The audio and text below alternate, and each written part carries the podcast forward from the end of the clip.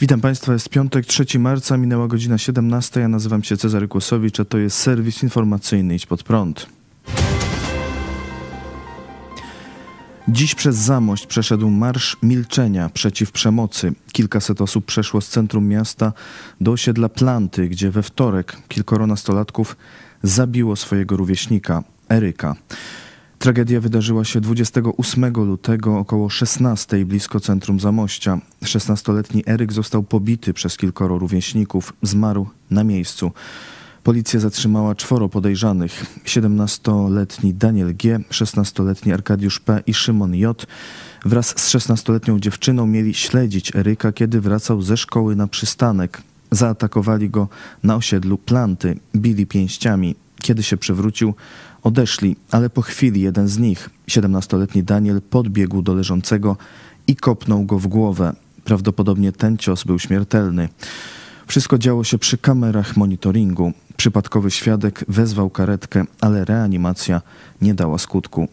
Daniel przyznał się do pobicia, ale nie do zabójstwa. Został aresztowany. Grozi mu do 25 lat więzienia. Pozostałym podejrza pozostałymi podejrzanymi zajmie się sąd dla nieletnich. Dwóch szesnastolatków zostało umieszczonych w schronisku dla nieletnich. Szesnastoletnia dziewczyna, która miała namawiać kolegów do pobicia, pozostaje na wolności. Dziś na marszu obecna była matka Eryka, która uważa, że gdyby ktoś wcześniej zareagował, to Eryk mógłby żyć. Zaapelowała o większą wrażliwość wobec innych.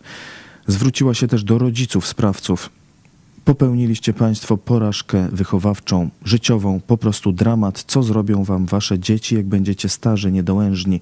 Strach pomyśleć, szklanki wody Wam nie podadzą.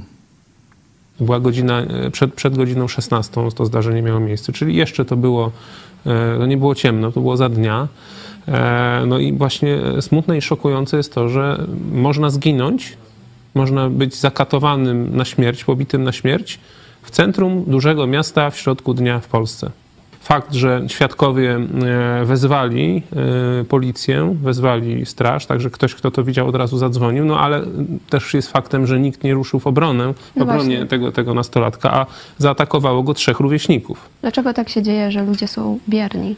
To jest tragedia dzisiejszego społeczeństwa. Po pierwsze, no to pokazuje, że e, właśnie brak w nas takiego honoru bohaterstwa, E, ujmowania się za słabszymi, no ale też takiej odwagi cywilnej, ale myślę, że to też jest konsekwencja tego zepsucia państwa, które następuje. Sąd na Białorusi skazał laureata pokojowej Nagrody Nobla, działacz społeczny, obrońca praw człowieka, dyrektor Centrum Obrony Praw Człowieka Wiosna i laureat pokojowej Nagrody Nobla za rok 2022 Aleś Białacki został skazany na 10 lat więzienia. Sąd w Mińsku skazał też innych działaczy Centrum Wiosna, Walencina Stefanowicza na 9 lat, a Władimira Łapkowicza na 7 lat pozbawienia wolności. To kolejna skandaliczna decyzja białoruskiego sądu w ostatnim czasie.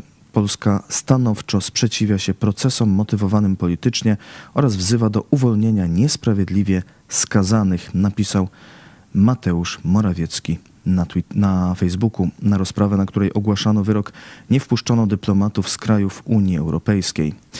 Bielacki założył Centrum Obrony Praw Człowieka w Jasna w 1996 roku. Władze Białorusi zdelegalizowały tę organizację w 2003 roku. W 2010 skazano Bielackiego na 4,5 roku za rzekome niepłacenie podatków. W 2014 objęła go amnestia. W 2021 roku Białacki trafił do aresztu pod sfabrykowanymi zarzutami niepłacenia podatków, kontrabandy i finansowania protestów.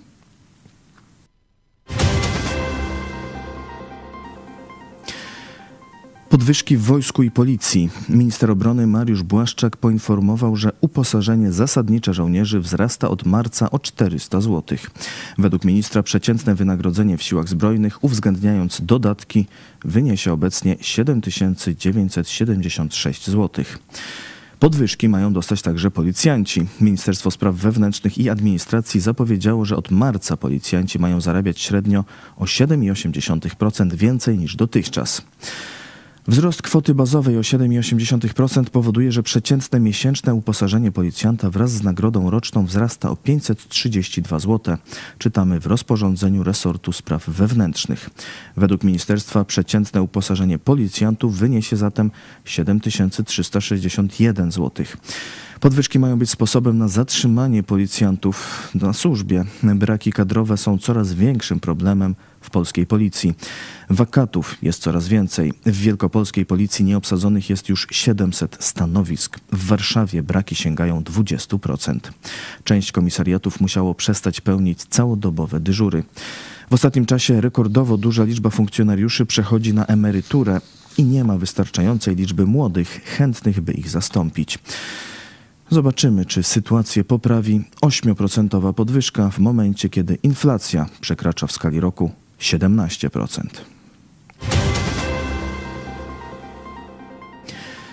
Stany Zjednoczone mogą jeszcze w tym roku uruchomić bazę na Morzu Czarnym. Takie informacje przekazują rumuńskie media, m.in. Radio Europa Libera i Newsweek Romania. Podstawą dla uruchomienia amerykańskiej bazy czarnomorskiej może być przyjęty w grudniu w Komisji Spraw Zagranicznych Senatu USA Black Sea Security Act.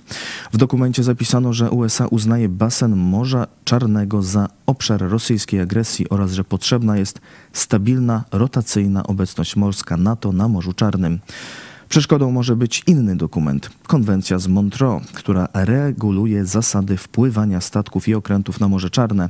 Konwencja zabrania wpływania, wpływania na Morze Czarne dużych okrętów wojennych państw nie leżących nad tym morzem, a także ogranicza wpływanie mniejszych jednostek. Jednak według mediów rumuńskich Amerykanie mają już sposób, by obejść te zapisy. Żołnierze amerykańscy mieliby działać w ramach małej floty czarnomorskiej pod banderą Rumunii lub w ramach wojsk NATO. Obecnie w Rumunii stacjonuje kilka tysięcy żołnierzy USA, m.in. ze 101. Dywizji Powietrzno-Desantowej. Unia Europejska wyrzuca TikToka. Do 20 marca europosłowie, ich asystenci i inni pracownicy Parlamentu Europejskiego muszą usunąć chińską aplikację TikTok ze wszystkich urządzeń, na których mają dostęp do wewnętrznej sieci Europarlamentu. Wcześniej podobne decyzje podjęły też Komisja Europejska i Rada Unii Europejskiej. W ostatnim czasie zakaz korzystania z TikToka wprowadzono też m.in.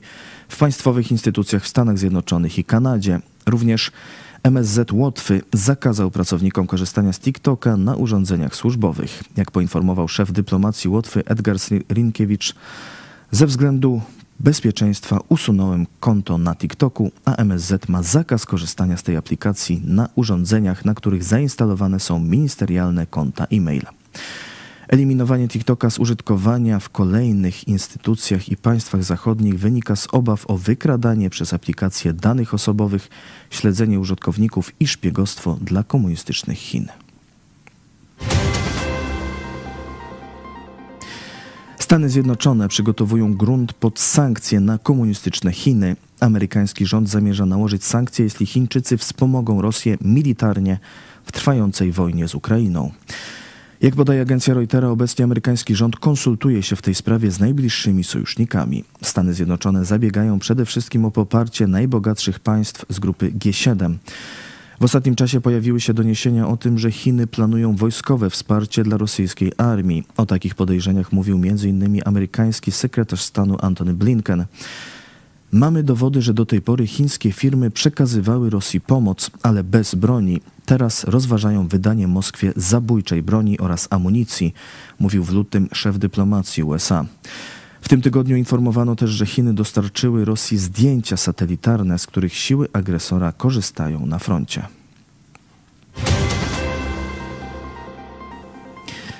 Papież nie umie rozsądzić między dobrem a złem. W wywiadzie dla belgijskich mediów papież Franciszek odpowiadał m.in. na pytania o wojnę w Ukrainie. Papież stwierdził, że wojna to ogromne okrucieństwo, że bierze w niej udział wielu najemników, którzy torturują dzieci. Podsumowując, stwierdził: Jest to dla mnie bardzo bolesne i nie mogę wybrać, po której mam być stronie. Wojna sama w sobie jest złem. No to pokazuje właśnie, e, co nas czeka, jeżeli nie postawimy temu tamy, tamy i jeżeli tej naszej właśnie wojny nie wygramy, tak? Jeżeli nie wygramy wojny ze złem, bo przecież wojna w Ukrainie to nie jest wojna, e, tak jak to papież Franciszek mówi, no dwóch złych stron, nie? No, albo no, nie wiadomo, kto tu jest dobry, kto jest Wojna zły. sama w sobie jest złem. Wojna sama w sobie jest zła, ale tutaj nie jestem w stanie powiedzieć, kto jest zły i nie jestem w stanie powiedzieć, że e, Kacapia jest zła, a Ukraina jest dobra. No lub w drugą stronę też nie jest w stanie powiedzieć, no bo jak to tak? Nie można przecież osądzać. No jeżeli będziemy e, szli w stronę takiego relatywizmu moralnego i nie będziemy jasno mówić, to jest zło, to jest dobro. To należy zwalczyć, to należy wspierać. Temu się trzeba złu przeciwstawiać i potępiać, a dobro właśnie pielęgnować, pokazywać, wzmacniać. Jeżeli nie będziemy mieli takiego podejścia i takiej postawy i takich czynów, no to efekt będzie taki, że no na przykład no Rosja zacznie tutaj tę swoją, y, za, załóżmy, że wojna w Ukrainie jakoś się zakończy, ale może się w najgorszym przypadku zakończyć zwycięstwem Rosji, w co, co osobiście nie wierzę, ale no na jakimś tam powiedzmy zgniłym pokojem. No i Rosja po paru latach dojdzie do wniosku, że teraz warto e, stosować te metody właśnie takiej wojny hybrydowej w Polsce. I na przykład w Polsce zaczną się, e, się jakieś ataki, e, niepokoje. No i co, będziemy mówić, to nie nasza wojna?